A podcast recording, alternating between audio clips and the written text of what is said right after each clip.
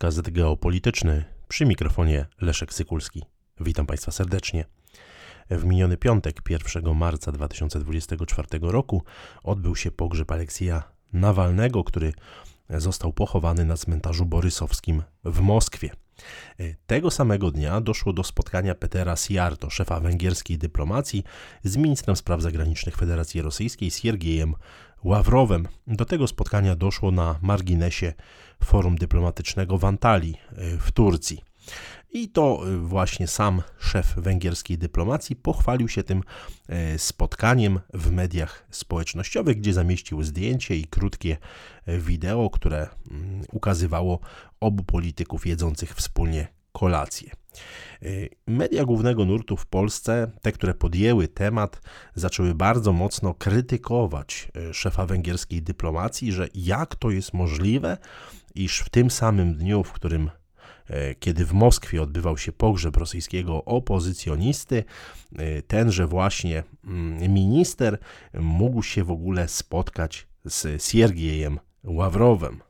To pokazuje ogromną różnicę w podejściu do polityki, nie tylko zresztą zagranicznej, między establishmentem węgierskim a polskim, podczas gdy w naszym kraju wielu decydentów w Warszawie no, bardzo emocjonalnie wypowiadało się na temat samego Nawalnego, jego śmierci, i rzekomego znaczenia w polityce, w polityce rosyjskiej, to warto zauważyć, że węgierski minister spraw zagranicznych jest niezwykle powściągliwe.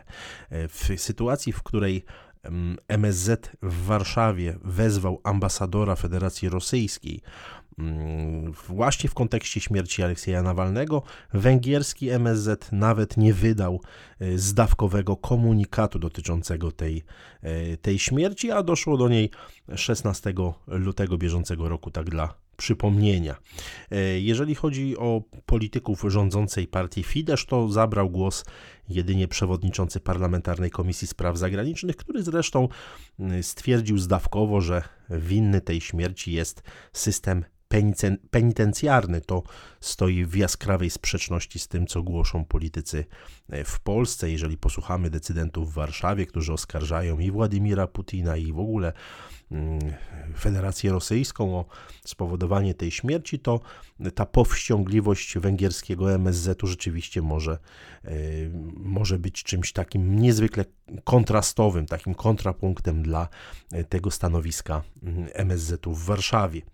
E, I też warto zauważyć, że europosłowie właśnie partii, e, wywodzący się z partii rządzącej na Węgrzech e, wstrzymali się od głosu, kiedy Parlament Europejski przyjmował rezolucję potępiającą śmierć śmierć Nawalnego. To pokazuje, jak bardzo mocno pragmatyczna jest polityka węgierska. Ta umiejętność budowania polityki wielowektorowej, budowania strategii z jednej strony utrzymującej członkostwo Węgier w NATO, w Unii Europejskiej, ale z drugiej strony rozwijająca, ta strategia rozwijająca bardzo głębokie relacje z Rosją, dzięki czemu zresztą Węgrzy posiadają elektrownię jądrową, a Polska tej elektrowni póki co jeszcze nie ma i jednocześnie na przykład z Chińską Republiką Ludową. Przypomnę tylko te ostatnio podpisane dwie umowy o współpracy w zakresie bezpieczeństwa. To pokazuje, jak niezwykle realistyczna, pragmatyczna, ale także przynosząca konkretne korzyści gospodarcze dla Węgier jest ta jest ta właśnie strategia. Natomiast w Polsce dominują emocje, dominują, dominuje romantyzm, dominuje mm, życzeniowe myślenie o polityce zagranicznej. Nie ma się co zatem dziwić, że wielu komentatorów, wielu ekspertów, wielu także polityków e, uważa, że Grupa Wyszehradzka zaczyna tracić swoją moc, że nawet niektórzy piszą, iż traci w ogóle strategiczny sens istnienia z uwagi na to, że Węgrzy i y, Słowacy mają no, diametralnie różną ocenę sytuacji, jeśli chodzi o wojnę na Ukrainie, diametralne różne podejście e, wobec wsparcia finansowego i militarnego e, Ukrainy, no i wreszcie diametralne, diametralnie różne podejście do współpracy z Rosją. Wystarczy przywołać właśnie politykę, którą prowadzi Robert Fico na Słowacji, czy premier Viktor Orban na Węgrzech. I przypomnę tylko, że ostatniego dnia lutego bieżącego roku w Pradze doszło do spotkania przewodniczących parlamentów państw Grupy Wyszehradzkiej i Ukrainy. Stronę polską reprezentował na tym spotkaniu marszałek Sejmu Szymon Hołownia i marszałek Senatu Małgorzata Kidawa-Błońska. E, podczas tego spotkania doszło do wypowiedzenia no, wręcz skandalicznych słów, po raz kolejny zresztą, e, przez Szymona Hołownię, co niewątpliwie musiało wzbudzić e, konsternację wśród części, części właśnie obserwatorów i uczestników tego, tego spotkania. Szymon Hołownia powiedział, cytuję: Albo Władimir Putin zostanie pokonany na Ukrainie, albo będziemy musieli go pokonać na naszym terytorium. Koniec cytatu. No, trudno o y, bardziej emocjonalne y, i w mojej ocenie nieodpowiedzialne y, słowa. Co to oznacza, że będziemy musieli pokonać Władimira Putina na naszym terytorium? Czyżby już marszałek Sejmu zakładał wojnę z Federacją Rosyjską? W sytuacji, kiedy Polska nie ma absolutnie żadnego interesu w jakiejkolwiek wojnie, kiedy Polska nie jest przygotowana wobec, wobec nie jest przygotowana na jakikolwiek większy kataklizm związany z katastrofą naturalną, katastrofą techniczną. Polska nie ma systemu obrony cywilnej, nie ma systemu obrony powietrznej. I tutaj mówienie o tym, takie pogróżki najpierw o tym, że cytuję w depcze Hołownia Putina w ziemię, a teraz, że będziemy, cytuję, musieli go pokonać na naszym terytorium, jest przejawem skrajnej nieodpowiedzialności, żeby nie użyć mocniejszych, żeby nie użyć mocniejszych słów ta postawa decydentów w Warszawie no niezwykle mocno kontrastuje z tym, co robi dyplomacja węgierska czy dyplomacja słowacka, które są e, powściągliwe, realistyczne, pragmatyczne. Patrząc na to, w jaki sposób e, nawą węgierskiej dyplomacji steruje Peter Sijarto od 2014 roku, no to można e, tutaj śmiało powiedzieć, że jest to pewnego rodzaju wzór dla decydentów w Warszawie. No, jeżeli chodzi o stanowisko ministra spraw zagranicznych Rzeczypospolitej Polskiej, od tego czasu zmieniło się ono już kilkukrotnie.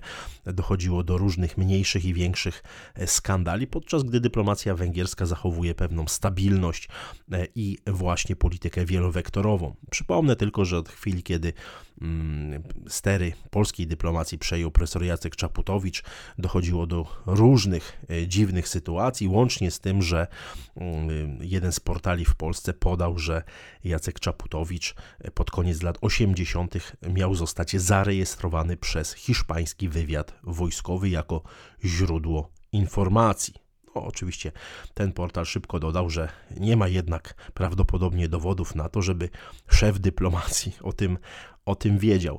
No, podobne komiczne sytuacje zdarzają się niestety, zdarzały się niestety w ciągu ostatnich 10 lat dosyć często, jeśli chodzi o polski e, MSZ, no ale do, zdarzały się niestety także skandaliczne sytuacje. I w sytuacji, kiedy e, szef węgierskiej dyplomacji potrafi porozumiewać się, mm, porozumiewać się i z Chińczykami, i z Rosjanami, i z Amerykanami, i e, z Komisją Europejską, w Polsce mamy sytuację, w której na przykład konsul Rzeczypospolitej Polskiej w Lwowie, pani Eliza Dzwonkiewicz, potępia protesty rolników i przewoźników, e, który, oceniając zresztą, że te działania, cytuję, hańbią Polskę.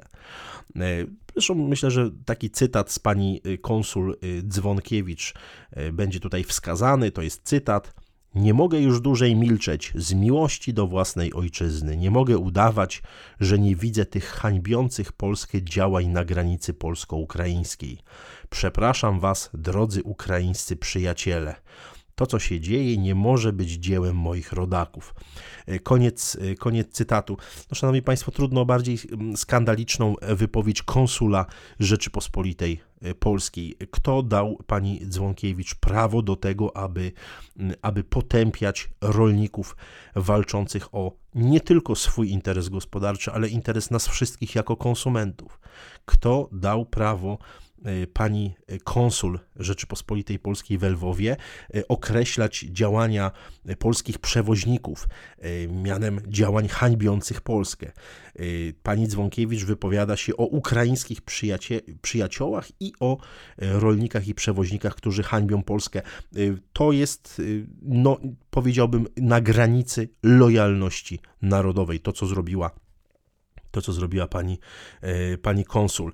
Mm, zresztą e, inne jej e, wypowiedzi, właśnie określających, określające w takim wpisie w mediach społecznościowych Rosjan jako ruskich i tak dalej, i tak dalej, no przeczą jakimkolwiek kanonom dyplomacji. Widać tutaj jak na dłoni tę rozbieżność między węgierską a polską dyplomacją, między klasą jednej a e, drugiej dyplomacji. Myślę, że jest bardzo wiele jeszcze do zrobienia przed mm, polską służbą dyplomatyczną. Potrzeba głębokich, naprawdę bardzo głębokich reform i wprowadzenia zupełnie nowej strategii, nowego podejścia do polskiej polityki zagranicznej w oparciu o zasadę polityki wielowektorowej.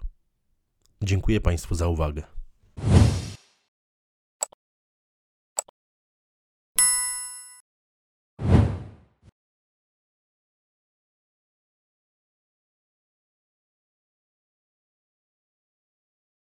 Szanowni Państwo, zapraszam Państwa serdecznie do odwiedzenia księgarni geopolitycznej, gdzie w sprzedaży jest już drugie wydanie mojej książki zatytułowanej Geopolityka a bezpieczeństwo Polski. To książka, która w sposób przystępny pokazuje genezę najważniejszych koncepcji geopolitycznych, które kształtowały e, polską myśl geopolityczną, polską politykę zagraniczną e, i rzuca nieco więcej światła na e, otoczenie międzynarodowe Rzeczypospolitej współcześnie. Zakupy w księgarni geopolitycznej to także forma wsparcia dla podcastu geopolitycznego. Zapraszam serdecznie na geopolityka.info.